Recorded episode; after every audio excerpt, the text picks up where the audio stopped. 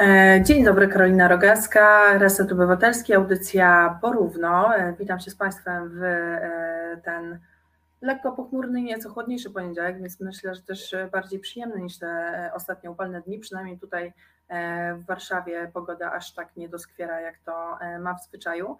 A dzisiaj będziemy rozmawiać z Michałem Pietrzakiem, który jest i aktywistą, i działaczem społecznym, i działaczem politycznym, e, ale też pedagogiem, o tym między innymi jak działać w małym mieście, czy według niego to się na przykład jakoś różni od działań w dużym mieście, jakie są przeszkody, żeby jakieś zmiany społeczne e, wprowadzać, e, ale opowiadam też o tym, bo ma dużo takiego doświadczenia pracy z osobami w kryzysie, przy różnych kryzysach, opowie też o tym właśnie, jak z tymi e, osobami e, pracować.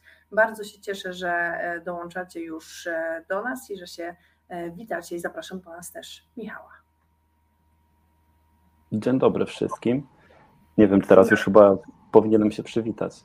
Nie wiem, jaka jest tak, pogoda tak. u nas. W Warszawie być może jest jakoś fajnie. Ja zasłoniłem sobie zasłony, żeby mi światło tutaj nie odbijało, więc nie wiem, co się tam teraz dzieje ale nie było tak źle jak ostatnio. No nie? U nas ostatnio ludzie pontonami pływali po mieście. Naprawdę? W Pawienicach ludzie pływali pontonami? E, były takie, takie, nie opublikowało się to nigdzie. W Kutnie były, no w naszych okolicach, można powiedzieć, tutaj w okolicach Łodzi. Przeszło sporo tych ulic było zalanych, jak się jeździ. Okej. Okay. Słuchaj, a powiedz, czy ja Cię wystarczająco dobrze przedstawiłam, bo tych zadań i tego, co robisz w życiu jest bardzo dużo. E, i wolontariacko też działasz, z WOŚP-em właśnie też e, mm, również. Jakbyś mógł sam o sobie jeszcze parę słów e, powiedzieć? Wiem, że to tak trudno o sobie mówić. Tak, trochę. trudno, jest bardzo o sobie trudno, zwłaszcza, że teraz już zasugerowałaś, że może być czegoś więcej. No jest troszkę tych rzeczy, którymi się zajmuję, ale tu dzisiaj będziemy rozmawiać bardziej o tych kwestiach społecznych i wokół tego koncentruję ostatnie ostatnie 3-4 lata bardzo mocno wokół tej działalności koncentruję swoje siły i, i uwagę. No, wcześniej pracowałem zawodowo właśnie jako pedagog i mi się wydaje, że ta praca ukształtowała e, taki mój pogląd, mój światopogląd, który kazał mi właśnie wejść w aktywizm, wejść w takie społecznictwo, zająć się działalnością e, i aktywistyczną, polityczną. No właśnie, a powiedz, czym ciągu, na czym w ciągu tych ostatnich kilku lat się skupiasz? Przystąpiłem do ruchu, jeszcze wtedy to nie była partia, do, mhm. do, do wiosny Roberta Biedronia, dlatego że mm, to była taka organizacja, w sumie jedyna, która mówiła wprost o tym, że chce rozdzielić państwo od kościoła, która mówiła o tym, że chce równości małżeńskiej, takiej równości płci przede wszystkim, e, mhm. żeby nie dyskryminować ludzi ze względu na obojętnie na co, na co sobie wyobrazimy, żeby tego nie robić. I dlatego przystąpiłem. No to ewolu ewoluowało i teraz razem z tym, że byłem członkiem wiosny, teraz stałem się członkiem Nowej Lewicy. Mm, jakoś w tych strukturach troszeczkę poszedłem do góry, no i, no i zostałem, ale te, ten aktywizm, wiesz, zawsze jest w sercu i, i, i to chyba chciałbym robić najbardziej. No a jak e, taka aktywistyczna działalność w małym mieście właśnie wygląda? Znaczy, Ile w Pawienicach jest 60 tysięcy mieszkańców, czy więcej chyba, nie? Około 60, to liczba się zmienia, niestety maleje, te, te mniejsze miasta się bardzo wyludniają, no dlatego, że ciężko jest, ciężko jest sobie znaleźć tutaj dobrą pracę, zwłaszcza przy takich, e, przy takich cenach, jak to jest. E, jak wygląda tutaj działalność taka aktywistyczna? No ona koncentruje się na pewno taki sygnał przychodzi skądś i rzadko, znaczy mało jest takich ludzi, którzy tak naprawdę w takich mniejszych społecznościach chcą wychodzić i dawać swoją twarz e, różnym protestom, różnym czasami Aha. Mhm. ciężkim tematom, jak aborcja, czy jak właśnie równość e, osób LGBT. No i Czyli jest się bardziej wystawionym na strzały trochę też no potencjalne, nie? Tak, w punkt to jęłaś. Była taka, pamiętam, sytuacja, kiedy e, z przyjaciółmi rozwieszaliśmy dekorowaliśmy różne pomniki flagami tęczowymi i to było naprawdę bezpośrednie takie konfrontacje z ludźmi, którzy podjeżdżali, po prostu nam grozili, e, że mhm. jeżeli tego nie weźmiemy, nie zdejmiemy, to, to się skończy po prostu właśnie strzałem. Mhm.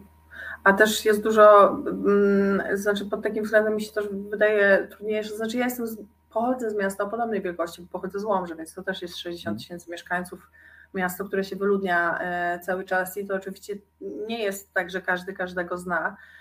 ale wyobrażam sobie, że jednak w związku z tym, że to jest małe miasto i takich kontaktów bezpośrednich z ludźmi, dookoła jest e, jakby więcej, przez to, że tych ludzi jest mniej, to może być trochę trudniej w tym działaniu. Jakieś takie mm, bardziej prywatne animozy też mogą wchodzić w grę?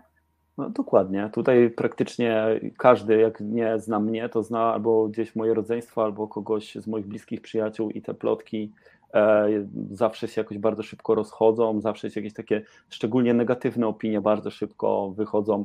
E, znaczy tak naprawdę dotykają najbliższych osób i to jest coś, co też trzeba brać pod uwagę, że mm, no, wychodząc na ulicę, nie wychodzę sam, bo wychodzi całe, całe moje, że tak powiem, doświadczenie. No i też zastanawiam się nad tym, czy nie narażam kogoś, bo, bo spotkałem się już z przykrymi komentarzami i w stosunku do mojej rodziny, do, do, moich, do mojego rodzeństwa, do mamy, włącznie z tym, że jakieś uwagi nawet podczas mszy w mojej rodzinnej parafii. Tak, tak. Jak kandydowałem do Europarlamentu, chyba wisiał mój baner taki dosyć duży, bo kandydowałem do Europarlamentu w wyborach w 2019 roku i wisiał taki wielki baner. No i chyba tam, jak dobrze pamiętam, chyba ten baner został pocięty, a no, że to jest taka mała okolica, to ktoś musiał zrobić znajomych, z sąsiadów, z którymi tam żyłem mhm. 30 ponad lat. No i chyba ksiądz tam, pamiętam, chciał z mamą porozmawiać po mszy. E, kolejne osoby przybywają się, witają. Cześć e, Julo. E, I widzę, że też jest pytanie o Twoją koszulkę, więc jakbyś mógł pokazać całość. Ja też się Mógłbym... złapałam na to, że jak się połączyliśmy, się zastanawiałam, co jest. Tak, to jest taka rozpikselowana, nie wiem czy pamiętacie tą akcję, jak TVP rozpikselowało tą, znaczy wymazało tą koszulkę z klapy, znaczy koszulkę, to serduszko z klapy redaktora jednego w wywiadzie, no i ta koszulka wtedy powstała. Takie banery były, taka akcja cała promocyjna Fundacji Wielkiej Orkiestry Świątecznej Pomocy. No i to jest moja jedna z ulubieńszych koszulek, które. które tak, mam. bardzo y, symboliczna, ale rzeczywiście jak się nie widzi. Ja przez chwilę złapałam się na tym, że przez kilka sekund rzeczywiście myślałam, że coś jest z ekranem i że po prostu wiem, y, się rozpikselowało po prostu mm, w jakiś, w jakiś tam y, sposób. A powiedz mi, jak działasz, to czy dużo jest takich E, no właśnie, bo mówiłeś o tym, że trudno jest o ludzi na protesty, szczególnie jakieś dotyczące aborcji, czy jakieś takie protesty tęczowe. A jak jest z organizowaniem w ogóle działania? Bo myślę sobie, że no właśnie aktywistom, szczególnie, którzy zajmują się takimi trudnymi sprawami społecznymi, które, które są jakoś szeroko dyskutowane najtrudniej w tych miejscowościach, się zastanawiam, czy łatwo jest, że tak powiem, zebrać drużynę. Trochę płacą pierścieni poleciałam, ale mhm. wiesz co chodzi. E, nie jest łatwo. Nie jest łatwo. Ja przypominam sobie strajki kobiet, e, które organizowaliśmy tutaj praktycznie w 3-4 osoby w tym mieście, a w Łodzi ta grupa była, Łódź jest 10-15 kilometrów stąd, dla tych, którzy nie wiedzą. I tam grupa zaangażowanych osób była olbrzymia, znaczy olbrzymia, duża. Było Stowarzyszenie Dziewuchu Dziewuchom, które tam się bardzo mocno mhm. angażowało, to wszystko nakręcało, to było to sprężne przecież stowarzyszenie, ale była i kasa na to, żeby albo kasa, albo ktoś, kto przyjechał na przykład autem z nagłośnieniem, ktoś to po prostu, i to można było nadać temu rozmach. Tutaj były to 3-4 osoby, robiliśmy to codziennie, przy kilkanaście razy wychodziliśmy mm, z pabieńczankami, pabieńczanami na ulicę i ten protest e, prowadziliśmy, no ale nie było to dużo osób. Yy, jeszcze... A ile się zbrało na proteście, tak z ciekawości? Nie pamiętam dokładnie, ale to było już tam tysiące, można powiedzieć. Był tak. jeden taki, który e, z drona chyba fotografowano i tam pokazywano w lokalnych mediach, że to już było naprawdę dużo, dużo ludzi. No. Mhm. A ty w, w, swoim doświadczeniu, to bym e, e, może trochę zaczęła do tego przechodzić, no też masz właśnie pracę z osobami w kryzysach, przy różnych kryzysach, tak jak mhm. wspomniałam na początku, bo też jeździłeś na granicę i do, do Ukrainy, nie wiem, czy tylko na granicę, czy znaczy do granicy, tak, do granicy. Do granicy e, mhm. pomagać. E, pracowałeś też z młodzieżą, o której się mówi, że to jest trudna młodzież, ale to, to chyba nie jest dobre określenie, takie stygmatyzujące trochę mhm. może być. Tak mi się wydaje, no ale z młodzieżą z jakimiś takimi trudnościami życiowymi, w ogóle te twoje mm, Twoje doświadczenie jest e, bogate w tym, w tym zakresie. Jakieś takie prace, bo ostatnia, rozumiem, taka pomocowa akcja to była właśnie ta pomoc na granicy.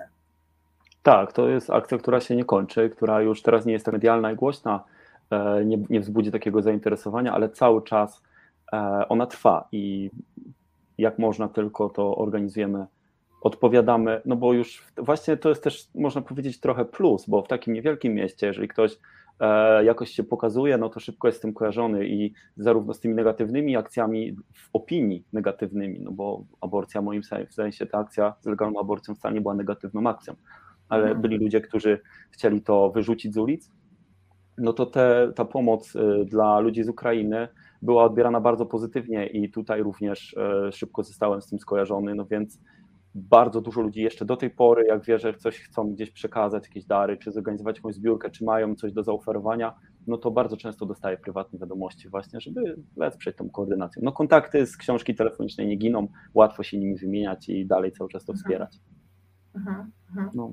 E, no tak, to rzeczywiście, tak sobie e, trochę zapomniałam o tym już, jak ten początek pomocy dla osób z Ukrainy e, wyglądał. Rzeczywiście to było tak, że całe miasta ludzi tak. się organizowały i rzeczywiście pomagały i ta pomoc dość, mm, dość sprawnie szła. A powiedz, czy trzeba mieć jakieś, bo dużo jest tej takiej no właśnie, to co już powiedziałam wcześniej, pracy z osobami przeżywającymi naprawdę um, bardzo trudne historie w swoim życiu. Czy trzeba mieć jakieś szczególne cechy, albo czegoś się trzeba nauczyć, żeby w ogóle taką pracę rozpocząć? Bo niektórym się może wydawać, że pomaganie jest proste, że mhm. przychodzisz, dajesz coś i jakby, albo wiesz, czyjąś historię załatwiasz, komuś jakieś papiery, to jest bardzo skomplikowane, pomaganie drugiemu człowiekowi, szczególnie takiemu, który się właśnie w trudnej sytuacji znalazł.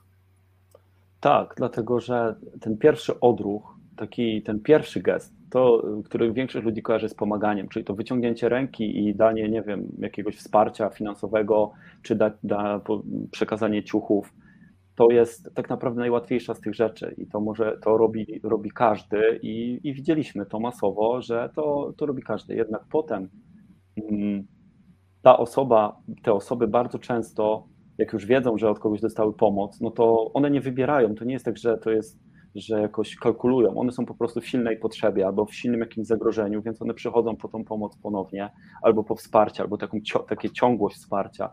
I mhm. mi się wydaje, że to jest właśnie ta cięższa część, żeby znaleźć sobie potem w sobie potem tą siłę i wygospodarować jakoś część swojego życia, żeby poświęcić tym ludziom wtedy, kiedy oni chcą, tak naprawdę potrzebują tej pomocy, nie wtedy, kiedy ja chcę wyjść na ulicę i im tą pomoc oferować. To jest, to jest ciężkie do zorganizowania samemu. No więc. No tak, e, myślę, że wiele osób się o tym, tak wejdę ci w stanie w słowo, no. Y, y, przekonało właśnie, jeżeli chodzi y, o Ukrainę. Chwilę przed wejściem tutaj na wizję też o tym rozmawialiśmy, że ludzie się nie spodziewali do końca, jakby co to znaczy długoterminowo dawać pomoc albo przyjąć kogoś do domu i z tego różne jakby też, też e, spory e, wynikały. Mm, mhm. I nie chcę mówić, że łatwiej jest dać pomoc jakby jednorazowo. Znaczy nie chcę tego po prostu wartościować, ale, e, ale myślę sobie, że no właśnie ludzie często nie wiedzą, z czym się wiąże taka długofalowa pomoc i jakiej organizacji na przykład życia to wymaga no niestety nie wiedzą, ale też nie ma co wymagać od wszystkiego, żeby właśnie byli zaangażowani w taki mocny sposób. Nie wszyscy czują taką chęć, nie wszyscy czują takie, taki ciąg w tym no kierunku. E, nie wszyscy mają moce takie, że nie wszyscy mają czas. Przecież wszyscy jesteśmy zaganiani. Także wsparcie każde jest ważne, ale co mnie bardzo bolało w tym, w tym wszystkim, jak czytałem po fakcie, już po tygodniu, po dwóch, fora, jak ludzie udzielali pomocy ludziom z Ukrainy, to to, że wielu z nich, wielu naszych rodaków, czy tych, którzy pomagali, myślało sobie, że taka osoba, która przyjeżdża, to ona nie ma nic do gadania, ona ma wziąć to, co dostaje, cieszyć się, bić czołem, całować po rękach i tak jakby nie domagać się, że tak powiem, standardu. I moim zdaniem to było uderzające, że ludzie nie myśleli sobie, że tamci też oczekują jakiegoś standardu. I to nie jest oczekiwanie, e, wiesz, to nie jest takie oczekiwanie, które wynika z jakiejś wygodnictwa. Tak, ale to, z takiej godności. To są ludzie, którzy jeszcze dwa, trzy dni wcześniej mieli swoje normalne domy. Niektórzy z nich dobrze byli sytuowani, inni gorzej, ale ta wojna spowodowała, że wszyscy nagle, za, za, wszyscy my zostaliśmy sprowadzeni do tej sytuacji, oni również zostaliśmy zmieszani ze sobą i ja nie bardzo rozumiałem, dlaczego my, skoro udzielamy pomocy, to dajemy sobie takie prawo, takie do mówienia im, że do, do wy, wyrokowania takiego, że oni przyjechali, chcą za dużo, przecież ma iPhone'a, przecież ma samochód, co on tutaj jeszcze chce. Mm, to było niesprawiedliwe moim zdaniem. Mhm. A ty zdaje się też e, jeździłeś e, na granicy z Białorusią. Tak, tak, tak. I tam też to właśnie widziałem, z tym, że tam nasze społeczeństwo w ogóle nie było gotowe, a tak naprawdę było wręcz w większości zbuntowane przeciwko tym osobom, które przekraczały granice właśnie z Białorusią. Czy to były osoby ofiary manipulacji? Na pewno były. Czy to były osoby łatwowierne? No to nie nam oceniać. Czy to były osoby, które uciekały przed jakimś złym, co się dzieje u nich w kraju? Niewątpliwie tak Część na pewno tam była, tak samo jak w grupach Ukraińców, którzy uciekali do nas. Byli ludzie, którzy, którzy chcieli to wykorzystać, bo byli Polacy, którzy chcieli to wykorzystać, bo, ale to może za momencik do tego wrócę, co tam widziałem na tej ukraińskiej granicy, ale mm, Polacy tam przy tej sytuacji z Białorusią po prostu nie wiem, nie wiem w, jak, w jaki sposób ci ludzie się różnili jedni od drugich. Czemu jed, przed jednymi chcieliśmy stawiać mur, a przed drugim otwieraliśmy, przed drugimi otwieraliśmy domy. Ja tego do końca nie rozumiem. Jedni tam no. umierają ciągle na tej granicy. Oni cały czas tam umierają, z tego co mamy informacje, bo ja tam pierwszy raz, znaczy ja tam pojechałem z e, posłanką naszą, Zanitą Sowińską i tam wzięliśmy pełnomocnictwa do reprezentowania niektórych z tych osób, e, które zdecydowały się nam, że tak powiem, powierzyć to, co tu się będzie z nimi działo, to postępowanie azylowe czy jakieś, jakieś inne, e, no to mamy kontakt z niektórymi i akurat ten człowiek, ta trójka, z którą ja mam najbliższy kontakt, cały czas się wymieniamy informacjami, no to oni już e, nie są w Polsce, już są w miejscu docelowym, nie, nie przyjechali tutaj, nie zabrali nam ani żony, ani nie zabrali nam socjalu, ani nie zabrali nam jedzenia, ani nie podpalili żadnego kościołu, po prostu, kościołu, po prostu e, są wdzięczni za to, że nie pozwoliliśmy im umrzeć w lesie i pojechali tam, gdzie chcieli uciec. I tego my nie powinniśmy właśnie wtedy też oceniać, a tak, a tak było. Tak, tak Polacy bardzo często w tamtej sytuacji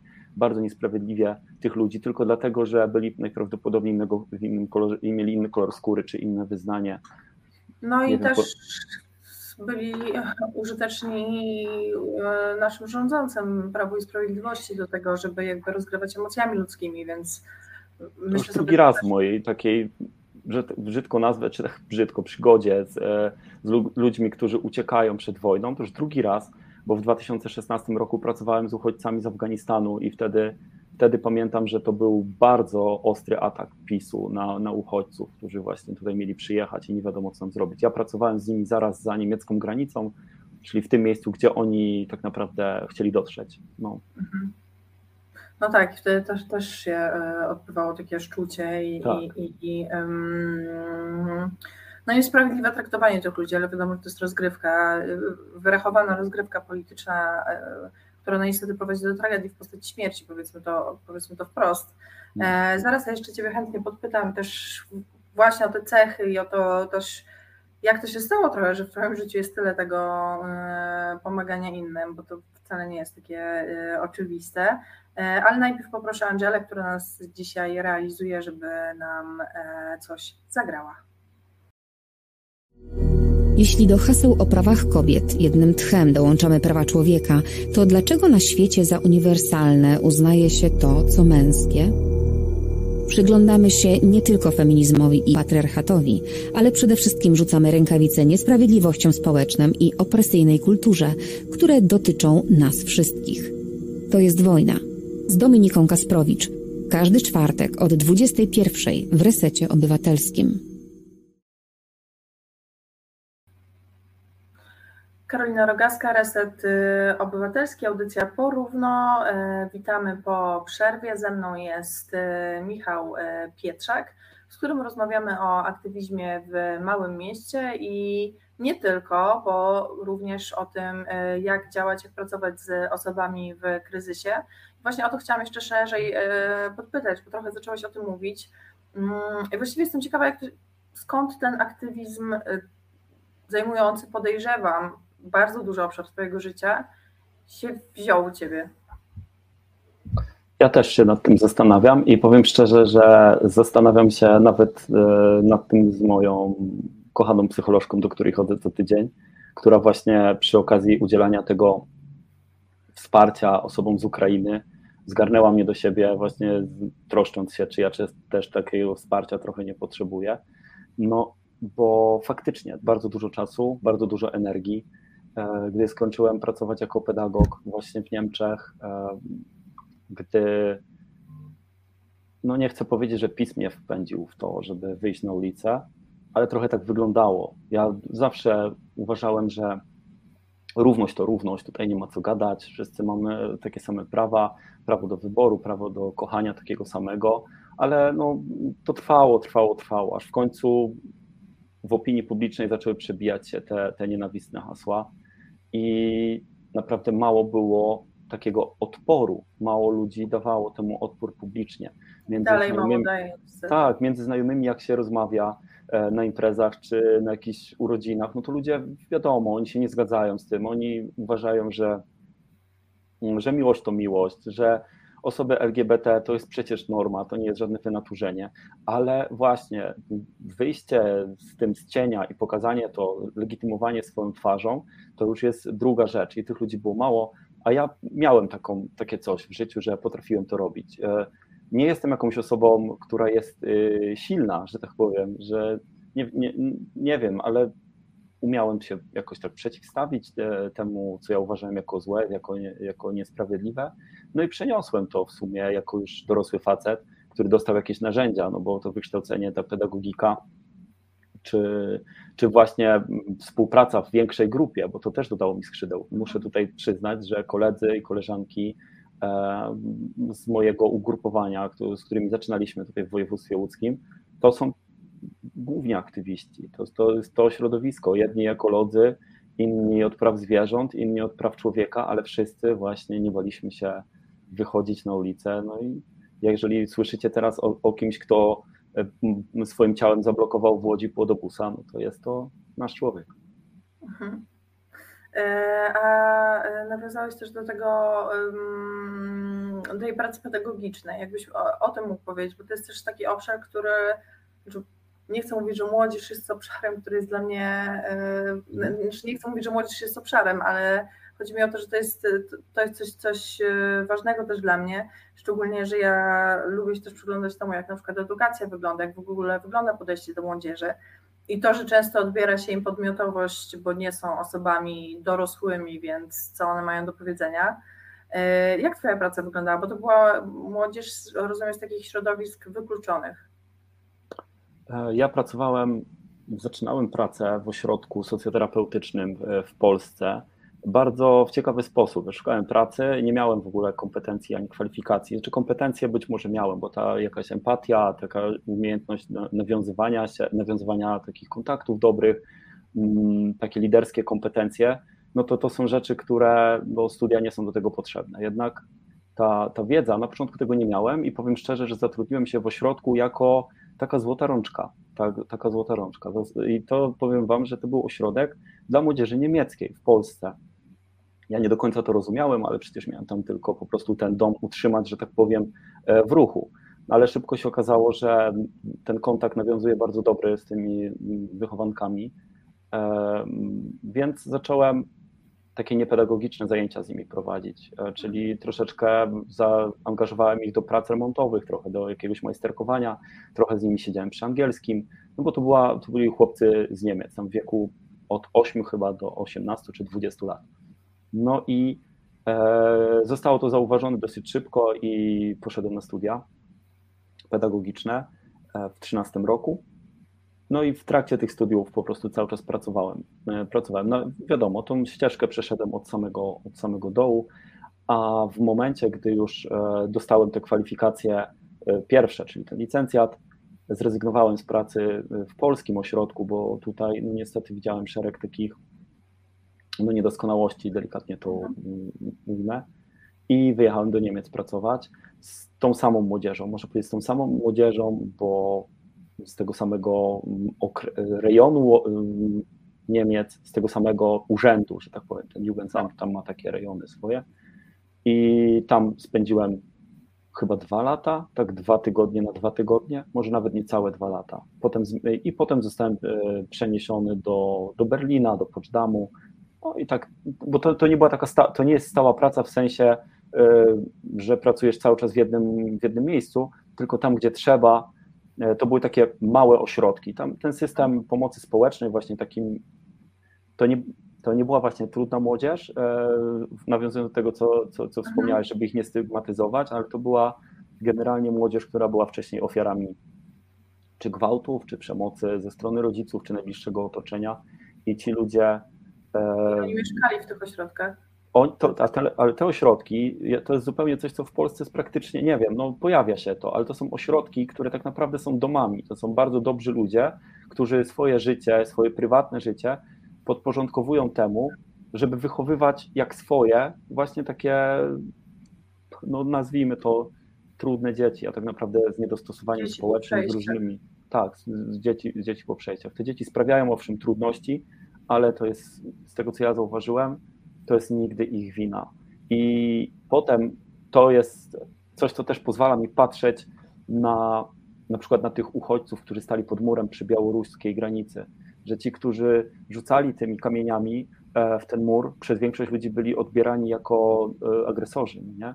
A ja mając te doświadczenia, myślę, że ze stuprocentowną pewnością mogę powiedzieć, że to nie są ludzie, którzy chcieli tam stać i sobie rzucać kamieniem w mur. Oni zostali z jakiegoś powodu do tego przymuszeni i to to wyzwoliło tę agresję. Tak samo właśnie z tamtą młodzieżą. No więc skończyłem te studia, ale praca z tymi bo coraz cięższe te, że tak powiem, przypadki, które dostawałem pod opiekę były i w pewnym momencie ja już nie dawałem rady za bardzo, bo no, moje takie osobowe za, zasoby chyba się kończyły i zostawiłem tą pracę, bo było mi za ciężko. No. A chcesz powiedzieć, jakie to były trudne przypadki? Tak, to nie jest tajemnica, dlatego że tak, to nie jest tajemnica, więc jeden przypadek Pamiętam chłopaka, który e, był do trzeciego roku życia chyba gwałcony przez ojca i jeszcze sprzedawany kolegom do, do, do właśnie do gwałtu. I ten chłopak po prostu w wieku 15 lat e, jeszcze tak naprawdę dobrze nie umiał chodzić. I, mhm. Ale to jest ta dysfunkcja taka ruchowa narządów ruchów, to chyba było jedno z mniejszych przypadłości, które ten chłopak miał inny był również wykorzystywany do tego stopnia, że wystąpiło u niego bardzo rzadkie zjawisko zatrzymania w rozwoju. I kiedy już, że tak powiem, ten rozwój u niego ruszył ponownie, to jeżeli dziecko się rozwija od urodzenia i następuje to zatrzymanie rozwoju takiego emocjonalnego i psy, można psychicznego, tutaj ten rozwój fizyczny rośnie i dopiero wtedy w którymś momencie, jeżeli się uda terapeutom, to rusza. No więc chłopak miał 15, chyba 16 lat, a mentalnie był czterolatkiem i to było okropne po prostu.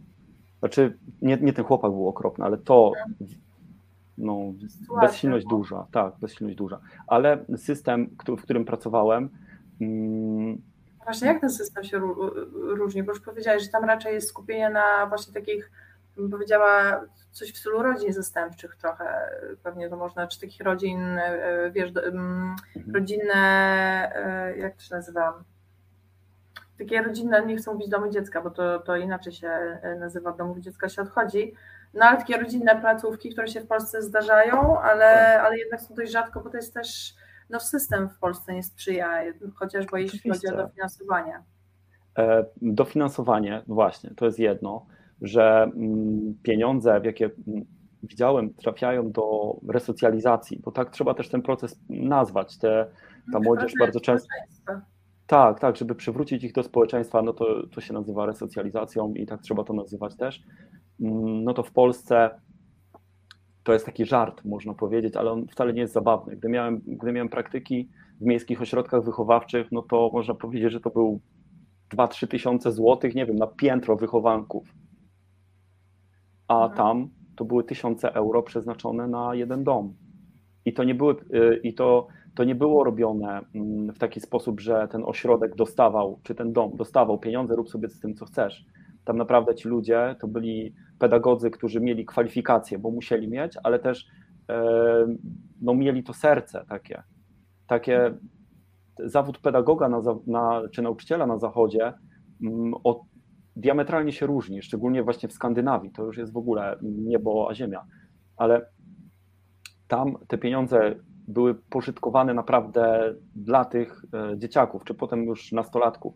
Tam były im przede wszystkim takie walidacyjne, rewalidacyjne, takie działania zapewniane. Bardzo, bardzo dużo środków było inwestowanych w to, żeby za wszelką cenę sprawić, że ci chłopcy, bo ja pracowałem z chłopcami, stali się ponownie istotami takimi społecznymi, no bo mhm.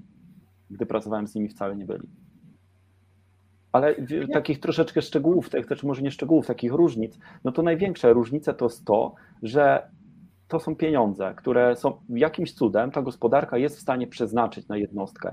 Powiem Wam, że to było do tego stopnia, że jeden z wychowanków, z którym pracowałem, to był jeden chłopak, dlatego że nie, nie nadawał się do, że tak powiem, współżycia takiego społecznego z innymi, więc dla niego była mm, całodobowa opieka, dla niego był wynajęty dom pod Dortmundem, do, do wychowania jego, do tego procesu był oddelegowany samochód służbowy, była oddelegowana taka całodobowa mm, opieka ze strony takiego superwajzora, no i codziennie, dzień w dzień, dwóch, trzech innych pedagogów z doskoku przyjeżdżało i zabierało go, a to na zajęcia z gotowania, a to gdzieś tam, a to gdzieś tam. Po prostu jak ja tam byłem, to dla mnie było no, niewyobrażalne. W Polsce nie widziałem czegoś takiego. No. I, no i jeszcze w dodatku, jak ja zaczynałem pracę w Niemczech, no to u nas się zrobiła pani Zalewska chyba wtedy. E, mhm. Pani Zalewska chyba wprowadziła reformę. To E, ja wtedy studiowałem, magisterkę robiłem wtedy chyba w 16. No to jak widziałem, co się dzieje z naszym systemem edukacji, do którego też ta resocjalizacja należy, jak najbardziej, to stawało się antytezą jakoś po prostu. Dla mnie to, to było wiadomo, że to w żadnym dobrym kierunku nie pójdzie. No i długo nie musieliśmy czekać. No. No mamy teraz Czarnka, który jest w ogóle antytezą nauki moim zdaniem jako osoba. Tak, tak no to e, podręczniki. To, tak, tak, tak, tak. To jest, to jest to jest y, w ogóle, w ogóle dramat. Ale myślę sobie właśnie, mm, jak, czy jest jakiś, nie wiem, sposób, schemat, oczywiście każdy przypadek jest inny i każda osoba jest inna, y, ale żeby rozmawiać z osobami po takich właśnie przejściach doświadczenia tak skrajnej przemocy? Nie wiem, czy jest schemat. Wiem, że pierwszą rzeczą, którą i nawet nie wiem, czy to jest jakaś intuicja, czy to jest wiedza. E, to jest to, że te osoby trzeba słuchać, nie rozmawiać. Bardzo często jest tak, że agresja, wiecie, u dzieci, przede wszystkim u dzieci, niesłuchanie tak zwane, czyli to, że dzieci są niegrzeczne, w ogóle to jest e, abstrakcja to, że dziecko jest grzeczne wtedy, jak słucha rodziców. To, to moim zdaniem to jest zaburzone dziecko wtedy, jeżeli tam się nie buntuje. No ale Mm, ale właśnie te, jak z nimi rozmawiać, kurczę, to jest tak, że te dzieci, ta młodzież często wykazuje te zachowania, te aspołeczne, tą agresję, nie dlatego, że ona chce komuś zrobić krzywdę, tylko że dlatego ono woła, tu jestem, mhm. naprawdę tu jestem, dla tych dzieci i dla, znaczy w ogóle dla wszystkich, dla wszystkich osób, bo to nie tyczy tylko dzieci, to tyczy również dorosłych osób, które w jakiś mhm. schemat wpadają. E, bardzo często te zachowania agresywne to jest prośba, wołanie o atencję, już nie, nie posiadanie innych e, umiejętności. I bardzo ważne jest, żeby wyjść kawałeczek dalej, krok dalej poza ten zły czyn. Ja wiem, że mm, teraz być może wiele osób się ze mną nie zgodzi, ale mm, kara, a konsekwencja za, za jakieś czyny to są dwie różne rzeczy. To są dwie różne rzeczy. Konsekwencja to jest coś, co człowiek wie, że mu się to przytrafi, jeżeli coś zrobi złego, dziecko też to wie, to jest konsekwencja i wie, i to, i to będzie ani nadwyrost, to będzie po prostu proporcjonalne. A kara to jest coś takiego, co dziecko wie, że owszem, dostanie, ale nie będzie tej kary, jeżeli na przykład wychowawca czy mama nie zauważy tego, że zrobiłem coś złego. I mhm. dlatego właśnie e, ten nasz system w ogóle penitencjarny właśnie działa trochę w ten sposób, że e, kara to jest wtedy, jak ktoś widzi. I dlatego, jak nie ma fotoradarów, to jedziemy 100 na godzinę. Inaczej jest zupełnie w Niemczech. Inaczej jest w, w, w Skandynawii. Tam kary są dużo mniej. Znaczy, nie wiem, nie, nie, nie powiem. Jak ja jeździłem. Ta nieuchronność kary jest. Tak, jest... nieuchronność kary. Chodzi o to, że e, to będzie 5 euro, zresztą 20 euro, jak ja dostawałem mandat za przekroczenie o 5 na, o 5 na godzinę, ale on był zawsze. Nie wiem skąd się brał, ale był. Nawet nie wiedziałem gdzie. I tak samo działa w wychowaniu młodzieży. To nie jest takie behawioralne, też nie chciałbym powiedzieć, że dziecko należy jakimiś no tak. behawioralnymi metodami zupełnie robić, ale właśnie nieprzekraczanie tego balansu pomiędzy karą a konsekwencją to jest, no bo wiadomo, że ludziom młodym, tak jak każdemu, trzeba stawiać granice i tych granic trzeba dotrzymywać. To jest bardzo, bardzo, bardzo ważna rzecz w procesie wychowawczym. Nam też powinno się stawiać jakieś granice i w ogóle powinniśmy mieć e, kształtowaną taką umiejętność o tych swoich granicach mówić. I bardzo często jest tak, że właśnie u nas rodzice, nie mając na Zachodzie ta kultura jest bardzo, e, dużo bardziej inna, ale w takim patriarchacie głębokim, jak jeszcze my niedawno żyliśmy, jest tak, że dziecko. Chyba żyjemy trochę dalej.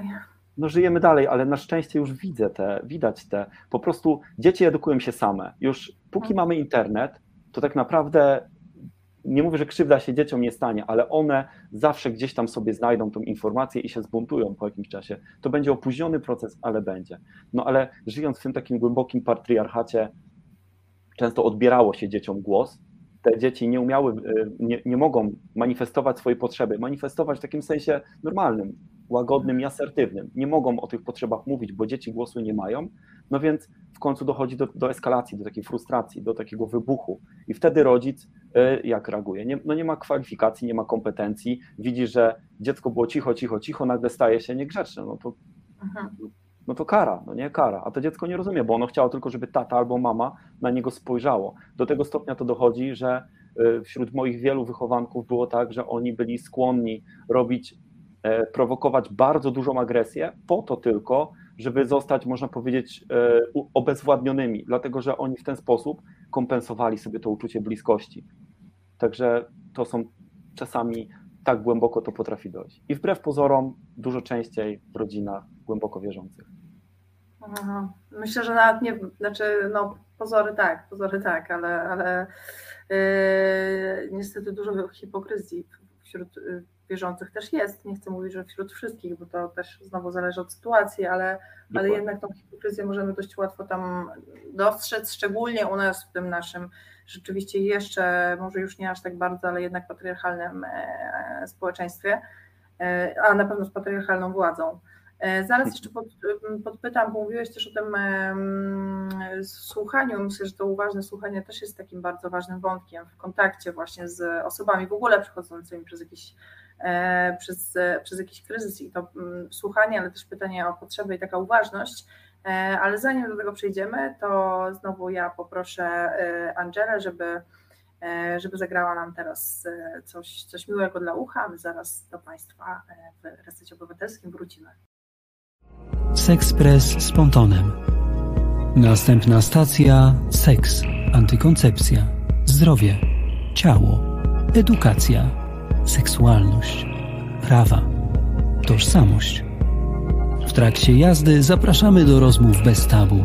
W bezpiecznej atmosferze dyskutujemy na temat spraw związanych z seksem i seksualnością. Załogę z ekspresu stanowią doświadczone edukatorki seksualne z grupy Ponton. Niedziela, godzina 17. Reset Obywatelski.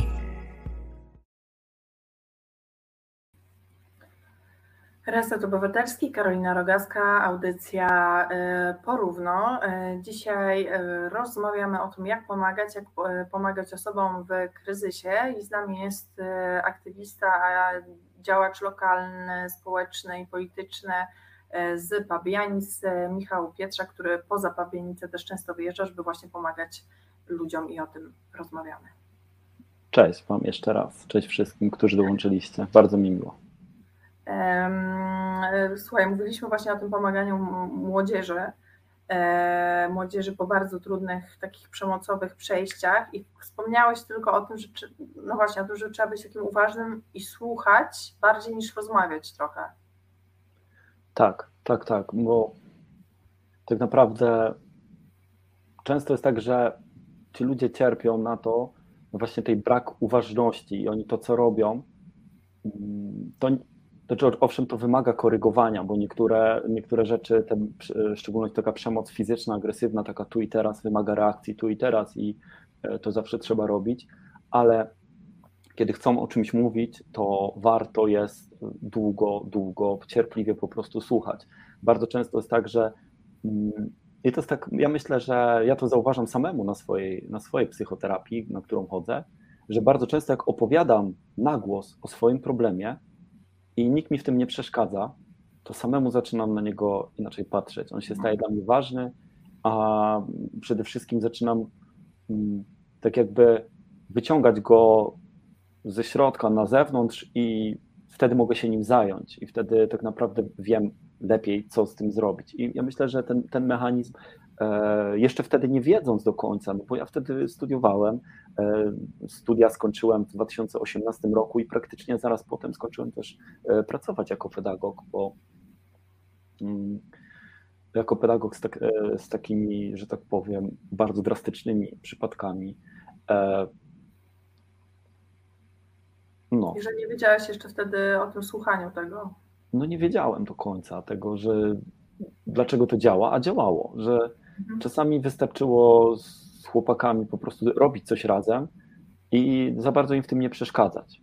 I po prostu oni oczekiwali tego, że ktoś to zauważy, ktoś to pochwali, a nawet nie pochwali, że ktoś, że ktoś po prostu tego nie zgani, nie ośmieszy e, albo gdzieś nie wyda ich sekretów, no bo Mhm. Tak to było. Tak, no według definicji w ogóle pedagog to jest osoba, która tak naprawdę towarzyszy i prowadzi. To nie jest ktoś, kto e, mówi ci, tu masz iść, bo tu jest dobrze. Sami wiemy, wszyscy wiemy to ze szkoły, jacy nauczyciele mieli szacunek taki odruchowo, a jacy byli mm, wytykani palcami. Już nie mówiąc, że byli wyśmiewani, bo to też jest, to nie jest nic dobrego, to też, e, to też jest akt nienawiści, że tylko ze strony właśnie mhm. młodzieży w stronę nauczyciela ale z czegoś to, to wszystko wynika. Osoby, które mm, tak jakby nie mówią innym, tak opresyjne nie są, właśnie nie są takie patriarchalne w tym wszystkim, mhm.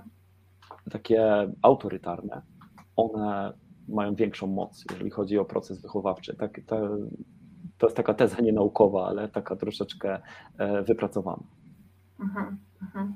No tak, też mi się tak wydaje, że jednak e, młodzieży tak jak pewnie każdemu człowiekowi trochę lepiej się rozmawia z osobami, które je mm, e, szanują, a jeżeli nauczyciel ma takie podejście, że czy pedagog ma takie podejście, że ja ci pokażę, bo ja wiem jak jest najlepiej, bez wysłuchania zupełnie tej drugiej strony, no to po pierwsze nie zdobędzie szacunku, a po drugie też e, myślę, może zburzyć trochę zaufanie młodych do, do, do dorosłych, a szczególnie w takich przypadkach, E, w których, e, w których te osoby i tak już to zaufanie zostało zawiedzione, a wręcz um, uszkodzone, mhm. bym powiedziała, bo to jest coś mocniejszego, jakby dokonanie takiego aktu e, przemocy przez osobę dorosłą na, na dziecku.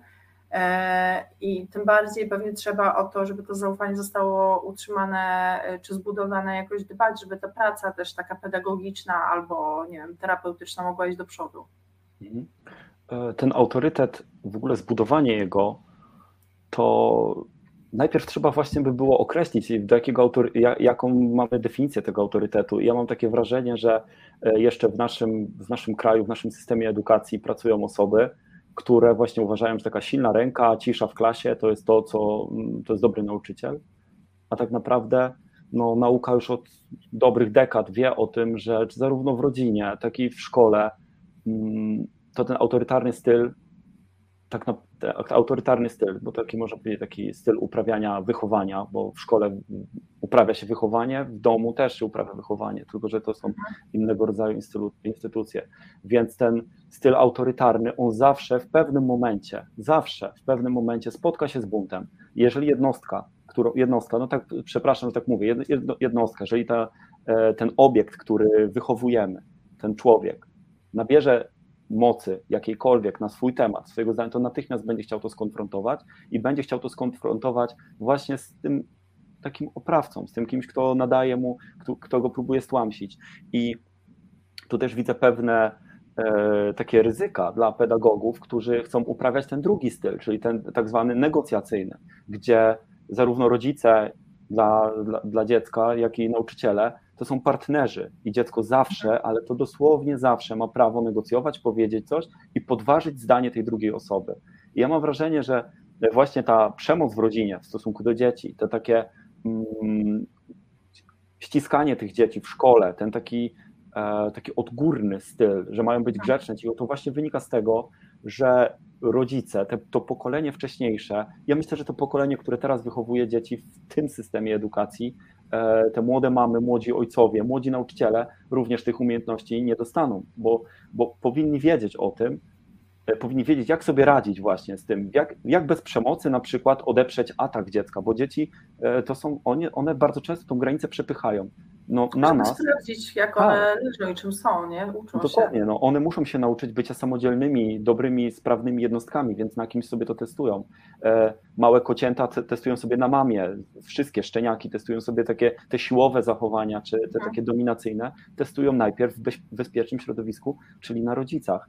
I u ludzi jest, jest bardzo podobnie. No i teraz, jak nie używając siły po prostu ani takiego, takiej przemocy, jak nie używając tego sprawić, żeby ten atak odeprzeć. I tu szczerze powiem, ja też do końca takich kompletnych informacji nie mam, dlatego że najważniejsze chyba jest to, żeby umieć przeżyć wspólnie negatywne emocje, bo negatywne emocje również u nauczyciela, czy u wychowawcy, czy u rodzica, e, kiedy dziecko ma rację, albo kiedy dziecku nie można w jakiś sposób wytłumaczyć, bo się nie ma wiedzy, to w takim właśnie stylu patriarchalnym, autorytarnym, to jest to porażka, odbierane jako porażka. I tą porażkę trzeba umieć jakoś przeżyć. Jeżeli my e, nie umiemy przeżywać porażek, dlatego że chłopaki nie płaczą, że zawsze musi być moje na wierzchu, to potem wszystko się to w tym dorosłym i e, w tym procesie, w tym takim przekazywania tych wartości kolejnemu pokoleniu, to wszystko znowu wypływa na wierzch i, i znowu mamy, mamy to samo. Więc przeżywanie trudnych emocji w rodzinie, bólu, smutku, rozczarowania też jest bardzo ważne. A u nas się mówi, że e, no to że nie płacz, że a szczególnie takie coś, ja też to zauważyłem po mojej psychoterapii, to mi uświadomiła moja psychoterapeutka. Jak się komuś mówi, wszystko będzie dobrze, nie martw no. się, wszystko będzie dobrze. Albo i ja miałam gorzej. To jest takie, ona używa tego słowa. Tak, to, to jest dosłownie to słowo. Ono po prostu echem mi rezonuje, że to jest unieważniające, że no, może będzie dobrze, ale teraz jest źle i ja chcę to teraz naprawić. Kiedyś tam będzie dobrze, no ale dlaczego mam na to czekać, jak się czuję tutaj? No i rodzice muszą nauczyć się przyjmować to kwestionowanie, tą postawę swojego dziecka nie jako porażkę, ale jako naturalny proces. I wtedy, mhm. wtedy to się po prostu dzieje dobrze i te, i te pokolenia rosną i te społeczeństwa obywatelskie rosną. Tak jest w Skandynawii. Tego no niestety nie trzeba daleko szukać i nie trzeba tego wymyślać od nowa, ale też trzeba mieć grunt, żeby zasiać to ziarno, wziąć, skopiować i zasiać. No u nas w tym momencie na pewno tego ziarna się nie da zasiać, bo z takim czarnkiem, który e, jest operatorem kombajnu, że tak powiem, bo to, to nie jest siewca, to jest operator kombajnu, on, on robi dożynki tutaj, naprawdę.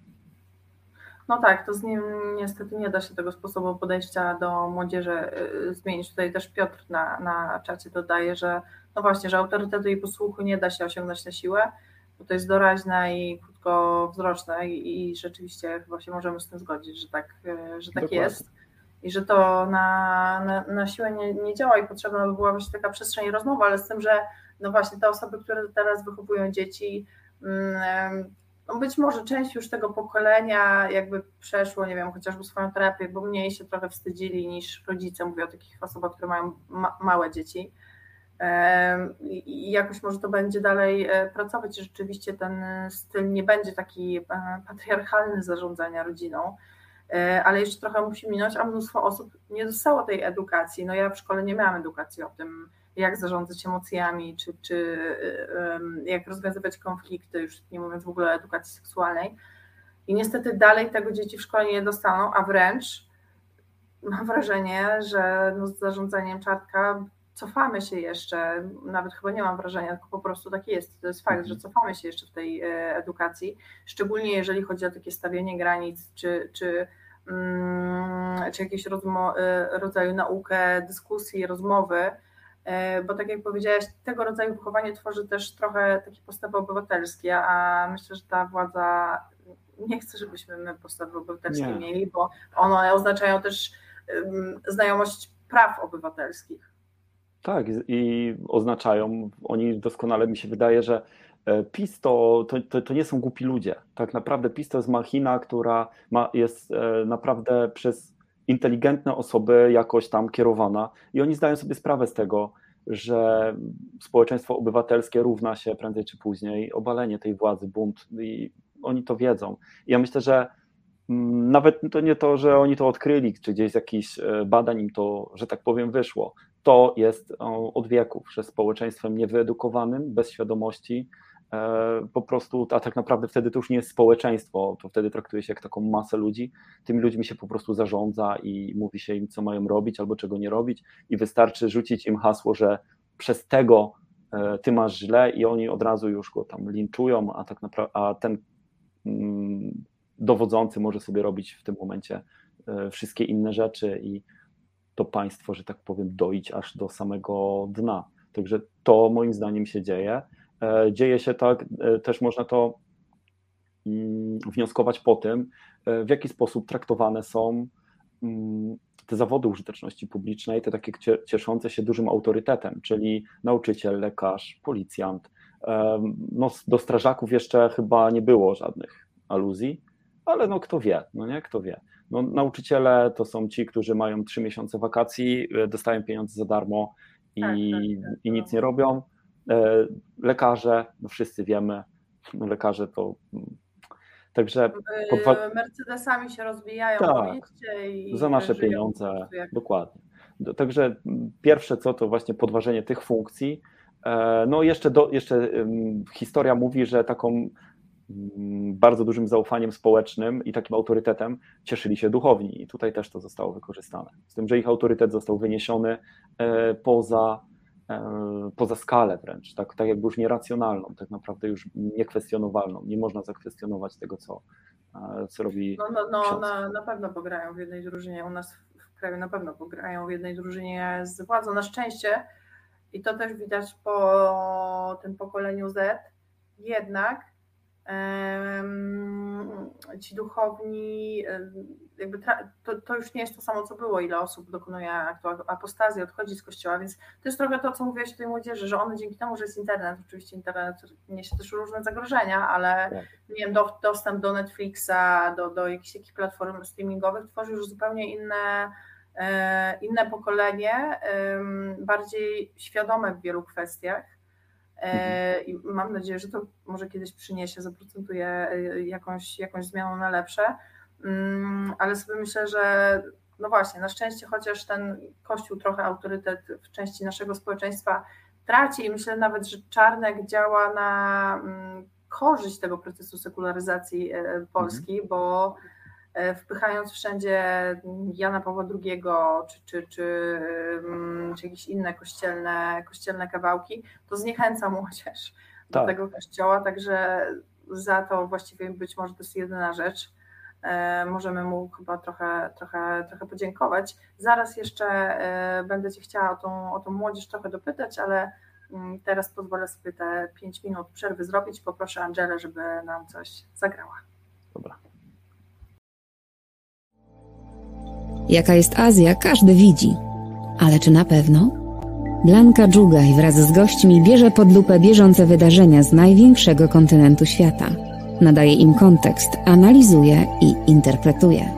Czasem odczytuje przyszłość, ale nie z fusów, lecz z faktów. A wszystko po to, by Azja była dla widzów i widzek terra bardziej cognita. Każdy wtorek od 19.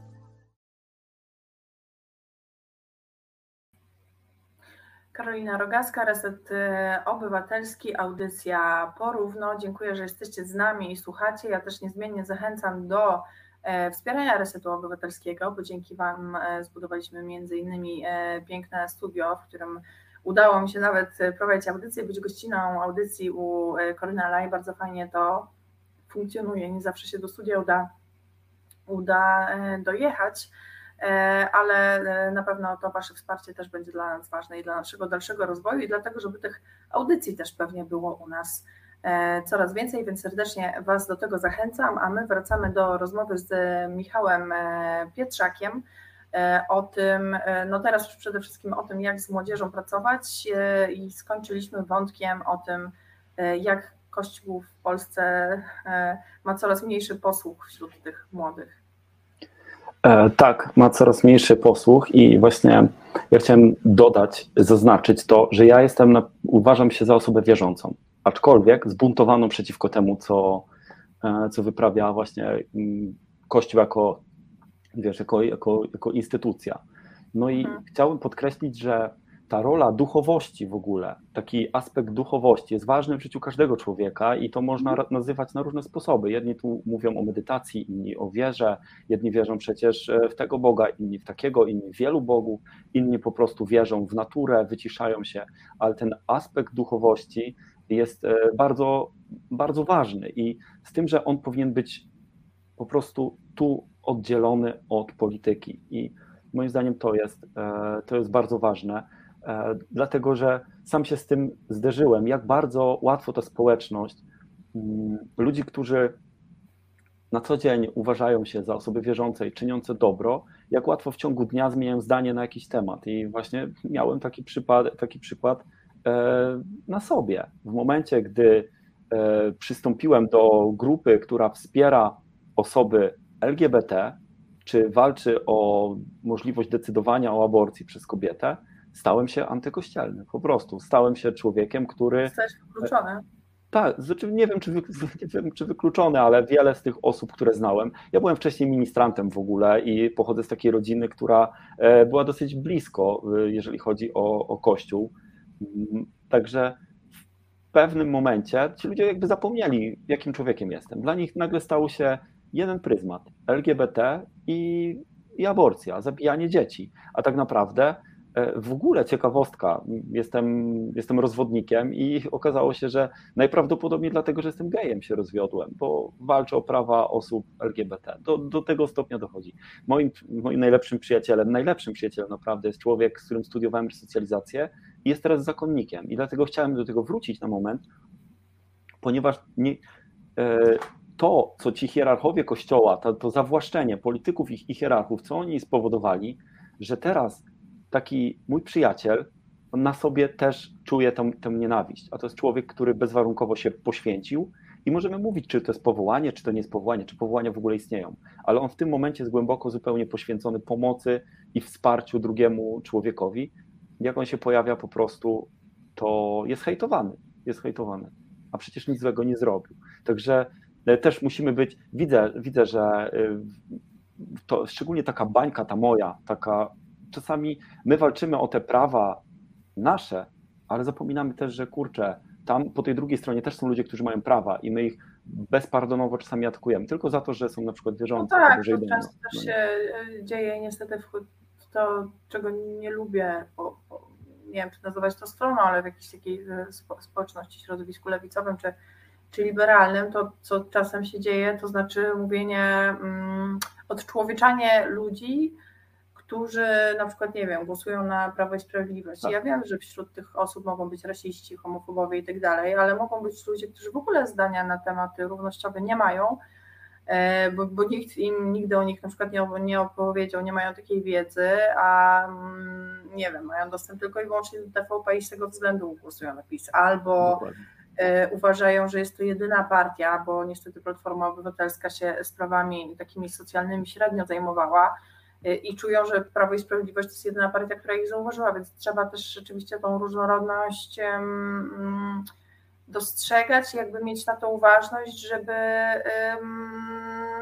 no też po prostu nie, nie dyskryminować innych, bo, bo, bo to się gdzieś tam do tego sprowadza. Moim zdaniem właśnie to jest e, to, co zauważyłem w tym procesie, dlatego tak dosyć łatwo o tym mówię i odważnie, że wystarczy E, jak już zobaczymy tego człowieka, który czy robi złe rzeczy, czy w, w, naszym, w naszej bańce głosowanie na PiS to jest zła rzecz, i ja się z tym oczywiście zgadzam, ale musimy pójść ten pół kroczku dalej i nie oceniać tego człowieka, tylko ewentualnie te jego, to jego jedno zachowanie, bo tam właśnie przyczyna może być zupełnie inna. To, ten wybór może, tutaj wchodziłaby też na, etyka mediów wchodziłaby przecież bardzo mocno do, do głosu, dlaczego ci ludzie właśnie są w ten sposób kształtowani, to co powiedziałeś. Być może nie mają innej informacji.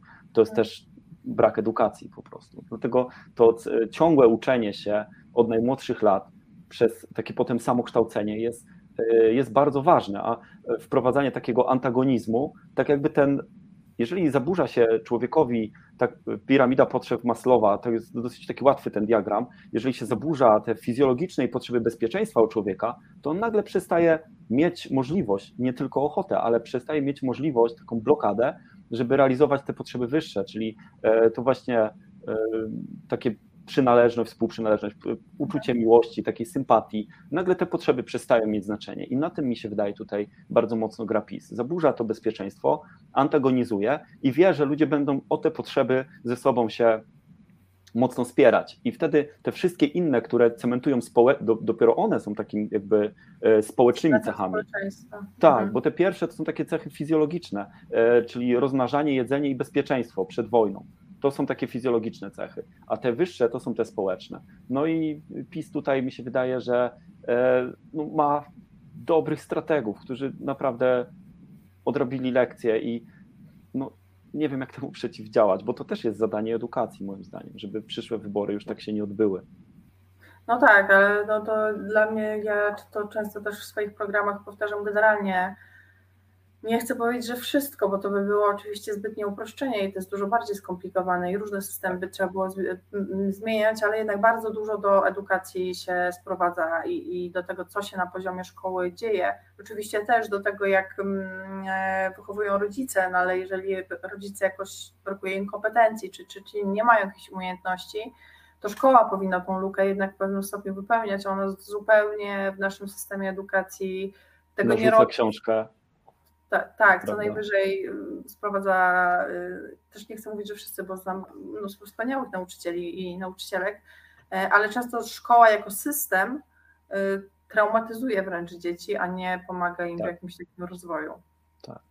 To jest właśnie jeszcze jedna taka ciekawostka, bo wiem, że uciekłem od tego, o czym chciałaś mówić, chciałaś mówić tej pracy pedagogicznej, ale e, uważam, że właśnie e, szkoła, mm, szkoła taka normalna, szkoła publiczna, to jest największy element pedagogiczny w kraju. Największy, bo no, chyba, że weźmiemy, sumujemy rodziny, ale szkoła to jest bardzo potężna moc i e, odwołuje się często do tych systemów skandynawskich. Tam zrobiono jedną bardzo prostą rzecz, chyba w Finlandii.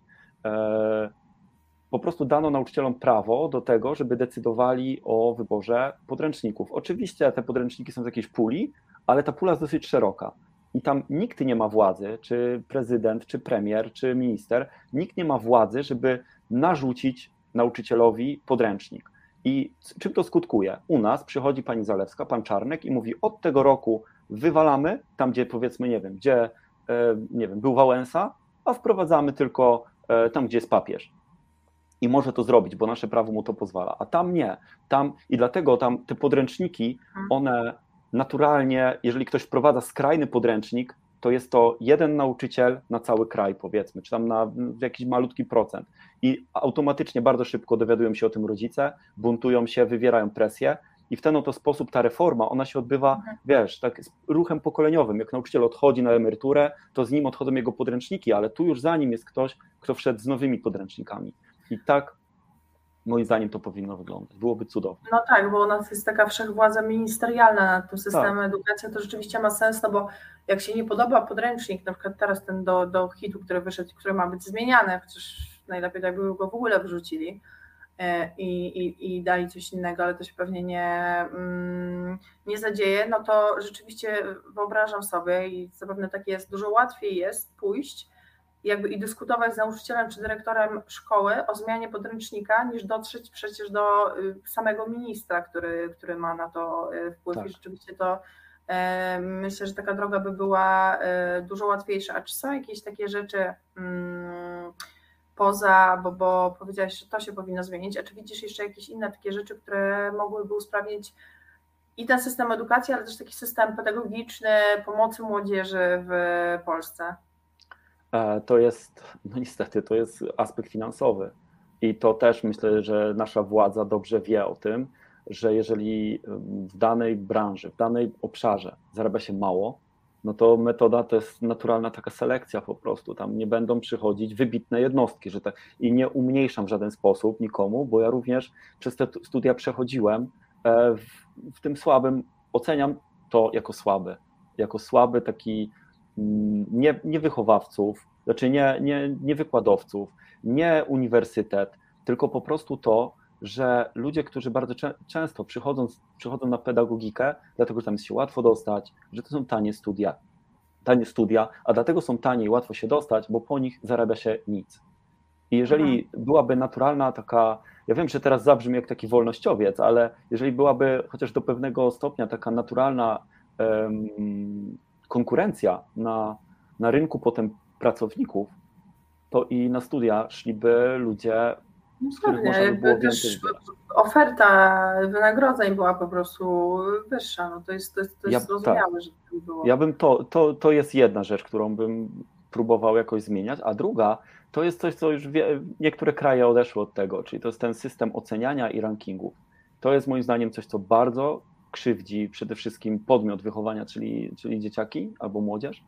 No i powoduje dużo krzywd, dlatego że e, za tą cyfrą niewiele stoi, tylko tyle, że można średnią e, wy, wycisnąć i na podstawie tego, tego takie właśnie średnia to jest dobre słowo, to jest uśrednianie i tam się, e, tam nie ma takiej indywidualnej pracy, jak jest przy systemie opisowym, na szczęście w tym wczesnoszkolnym takim nauczaniu to u nas się wprowadza. No ale rankingi szkół to też jest zabójstwo, które właśnie powoduje, że powiększa się przepaść pomiędzy tymi takimi średnimi mhm. że tam, gdzie do dobrych szkół i do dobrych szkół średnich, czy na, na, lepsze uczelnie idą ludzie z lepszymi średnimi, z lepszą średnią ocen, ci, którzy mogą tam się w ogóle dostać, i, albo z dużych miast. Że I po, po prostu, ta, ta polaryzacja. Tak, dostęp jest do edukacji bardzo nierówny i mhm. To na to też to, to nie jest tak, że mówię to i nie ma na to rozwiązania, bo na to, na to rozwiązanie również jest i również jest w Skandynawii. Tam się robi tak, że owszem, prowadzone są rankingi szkół, ale tylko po to, żeby na, na podstawie tego rankingu wyciągać e, wnioski i jeżeli jakaś, jakaś uczelnia czy szkoła nagle zaczyna rosnąć do góry w tym rankingu, a gdzieś tam w innym części kraju jest uczelnia, która spada, zamienia się bardzo szybko nauczycieli, oni, to nie jest dla nich degradacja, bo oni żyją w ta, u nas to było potraktowane jako przeniesienie do gorszej firmy, tak, tak. A, a, tam nie, tam bardzo często jest to jeszcze e, połączone z jakimś awansem, z jakimiś innymi pieniędzmi, dlatego że to jest praca w, w oddali, to oczywiście się tam uzgadnia wszystko, ale e, kadrę bardzo mocno się ujednolica, wypłaszcza, to jest po prostu płaska w miarę struktura, na powierzchni całego kraju jest dobra.